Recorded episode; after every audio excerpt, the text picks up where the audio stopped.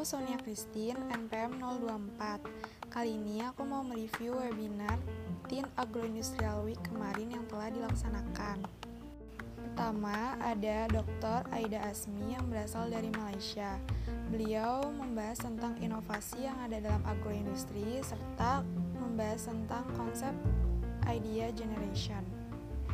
Beliau mengatakan bahwa saat ini sedang tren makanan fungsional seperti minuman probiotik yang populer yaitu Yakult, susu berkalsium tinggi seperti Enlin yang dapat meningkatkan kepadatan tulang, sereal, telur dengan omega tinggi, mentega yang dibuat bukan dari susu namun memiliki serat yang tinggi, ada pula roti, dan sekarang Malaysia memiliki lab grown meat yang akan bermanfaat dan dapat dinikmati oleh vegetarian karena memiliki tekstur dan rasa yang sama seperti daging biasanya. Ada pula inovasi yang dikembangkan yaitu tepung jangkrik yang diklaim bebas gluten dan memiliki protein tiga kali lebih tinggi dibandingkan steak. Ada juga inovasi makanan yang bebas alergen dengan menghindari kacang, susu, telur, ikan, kedelai, dan sebagainya. Kemudian, inovasi produk makanan untuk orang-orang yang memiliki kebutuhan yang khusus seperti para vegan dan orang yang menderita diabetes.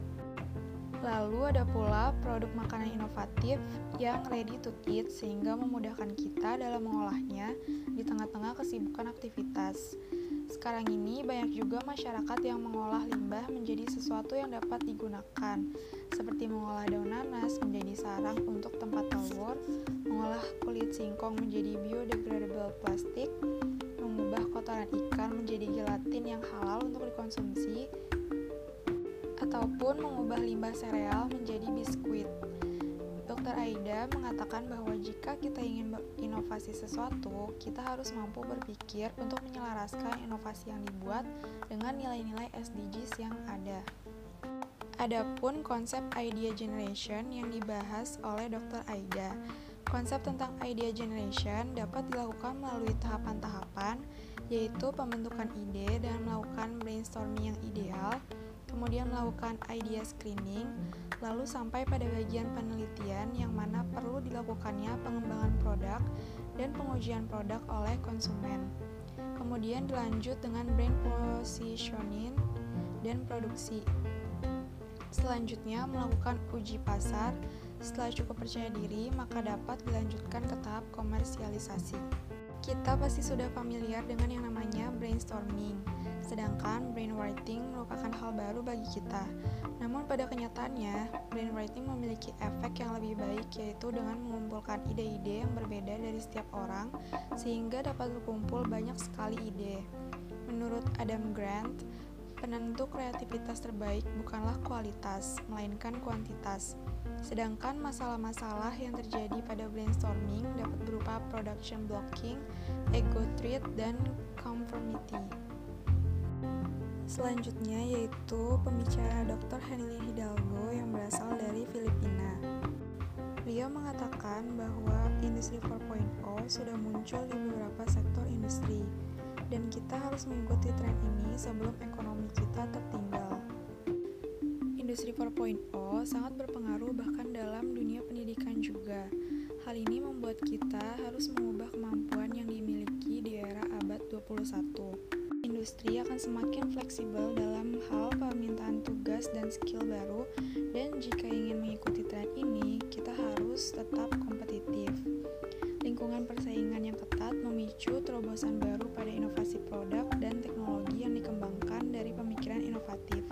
Hal ini tentunya memerlukan ide baru untuk membentuk dampak yang progresif pada masyarakat dan sebagai wilayah yang merangkul perubahan radikal menuju revolusi industri, sumber daya manusia yang berhasil harus mengikuti perubahan topografi dari bisnis dan sektor jasa. Dan demikian, kompetensi harus berpusat pada perubahan disruptif sambil menciptakan teknologi yang segar dan mutakhir. Ada dua tipe utama inovasi. Yang pertama yaitu inovasi tambahan, dan yang kedua yaitu inovasi radikal atau disruptif. Inovasi tambahan mengacu pada peningkatan dalam kerangka solusi tertentu dan melakukan lebih baik apa yang sudah kita lakukan sebelumnya. Sedangkan inovasi radikal mengacu pada perubahan kerangka yang mana kita melakukan hal-hal yang tidak kita lakukan sebelumnya. Inovasi produk tambahan mengacu pada perubahan kecil pada produk yang membantu meningkatkan kinerja, menurunkan biaya, dan meningkatkan keinginan atau sekadar menghasilkan rilis model baru.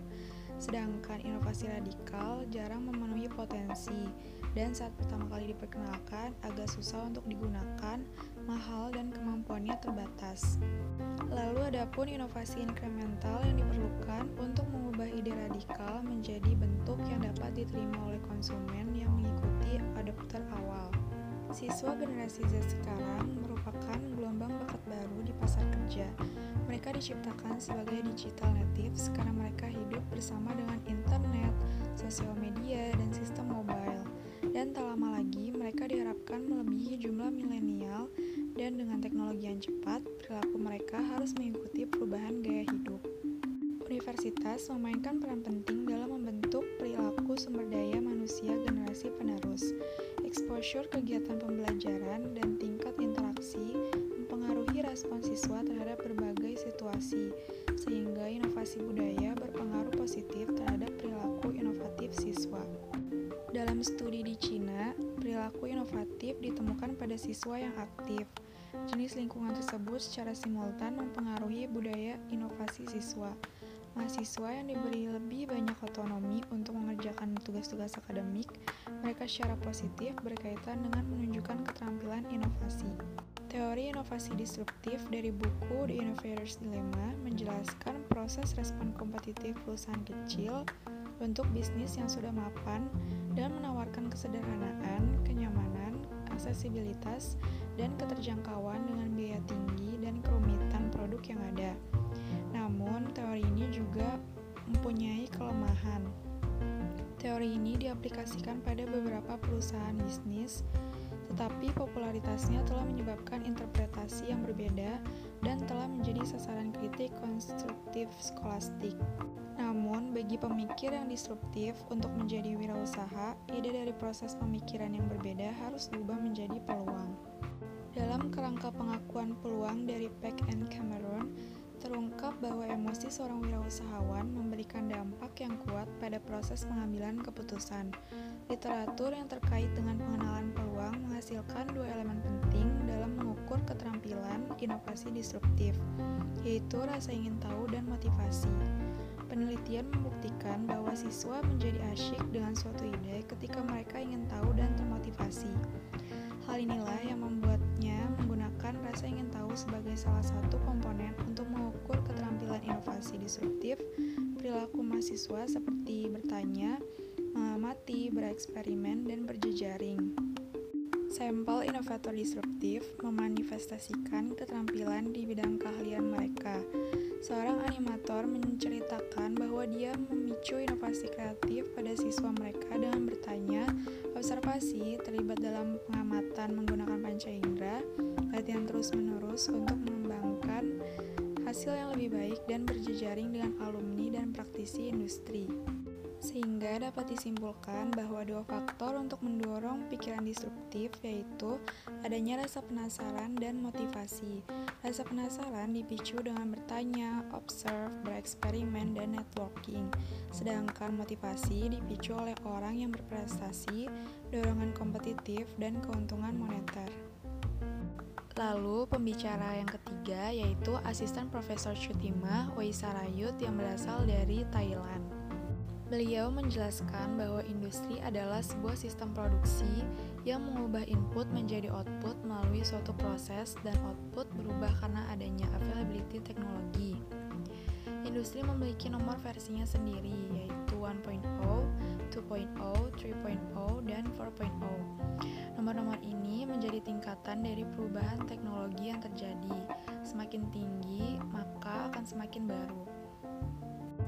Industri 4.0 atau manufaktur 4.0 adalah era dari Internet of Things. Segala sesuatunya terhubung dengan internet mulai dari mesin, internet, dan data.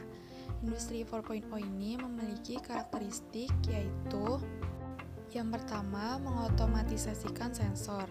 Era satelit saat ini membuat mesin memiliki sensor untuk membantu dalam industri, yang mana di dalam mesin itu kita menginput data dan terhubung pada internet. Lalu yang kedua, teknologi pintar atau smart tech.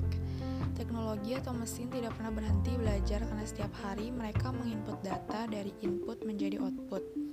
Melakukan perbaikan dari data di masa lalu sehingga dapat beradaptasi dengan baik. Lalu yang ketiga yaitu fleksibel, cepat, dan kualitas yang konsisten. Mesin melakukan pekerjaan dengan fleksibel dan cepat.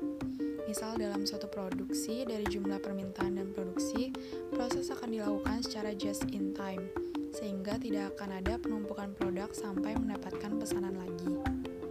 Hal-hal di atas menciptakan proses yang berulang tetapi tetap fleksibel dan konsisten. Dengan era IoT saat ini, kita bisa berhubungan atau terkoneksi dengan siapa saja. Contohnya, seperti di masa pandemi ini, kita semua masih bisa berhubungan meskipun dengan jarak yang jauh, sehingga kondisi tersebut dapat menjadi normal untuk saat ini. Ketika kita ingin membangun sesuatu atau membangun sebuah bisnis, yang kita perlukan itu yaitu VUCA atau volatility, uncertainty, complexity, dan ambiguity.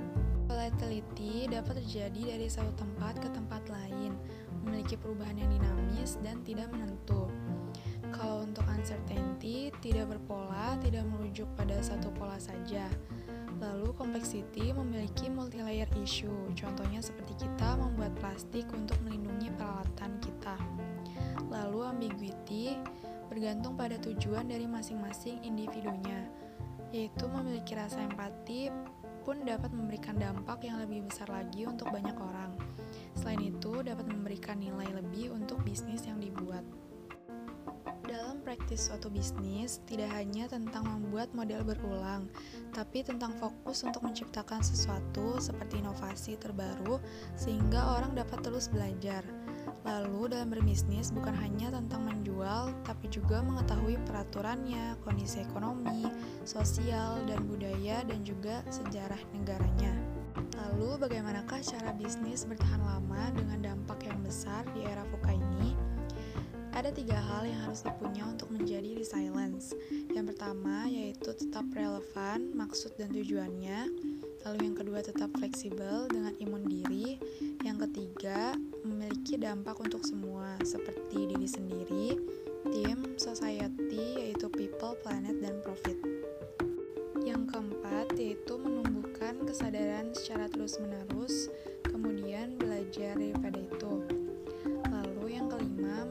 dengan enjoy, lalu tes di pengalaman nyata. Yang keenam, kreatif dan inovatif yang bergantung pada apa, siapa, di mana, dan situasi untuk mengaplikasikan solusinya. Yang ketujuh, bisa tetap berhubungan secara online dan offline.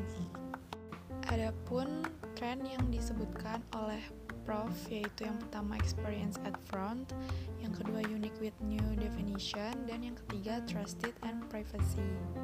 Lalu pembicara yang keempat yaitu Profesor Yozo Noguchi yang berasal dari Jepang. Beliau membahas tentang life cycle assessment in agroindustry. Informasi umum tentang LCA dan inventories di Jepang berasal dari IDEA dan LINE. LINE merupakan metode penilaian siklus hidup berdasarkan metode penelitian dampak siklus hidup. Sedangkan IDEA dikembangkan dengan database analisis inventories IDEA yang berisi kumpulan data LCI dari sektor non-manufaktur dan meliputi semua produk yang diklasifikasi komoditas standar Jepang sehingga terjamin komprehensif.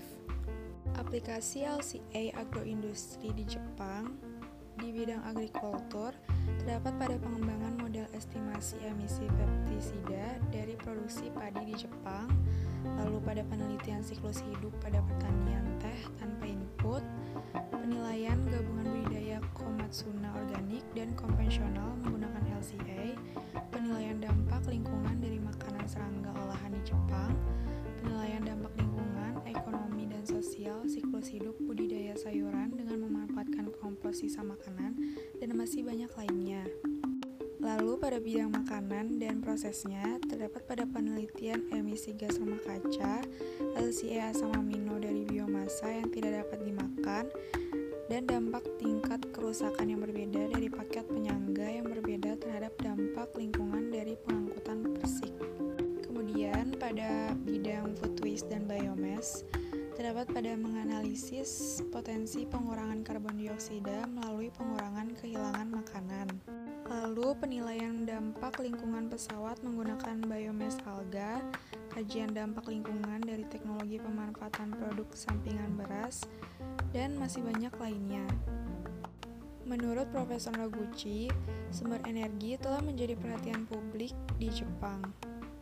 Pada hasil survei terhadap beberapa orang, didapatkan hasil bahwa energi terbarukan menempati posisi dua dalam hal yang paling diperhatikan setelah nuklir. Hal ini juga berkaitan dengan adanya kebijakan pada SDGs yang e, memusatkan perhatian terhadap sumber energi terbarukan. Maka dipilihlah mikroalga sebagai bahan baku dalam produksi bahan bakar pada pengolahan air limbah. Namun, mikroalga memakan banyak listrik pada saat dipanen dan memakan banyak nutrisi pada saat fotosintesis sehingga masyarakat Jepang harus mempertimbangkan daur ulang termal dan juga mencari cara untuk menekan biaya komersial. Adapun kelebihannya yaitu total CO2 yang dihasilkan oleh metode biasanya menghasilkan emisi CO2 dalam jumlah yang banyak. Sedangkan dengan menggunakan metode alga, kita bisa mengurangi jumlah emisi CO2-nya. Sekian review materi yang saya dapatkan dari webinar Tin Agro Industrial Week. Terima kasih.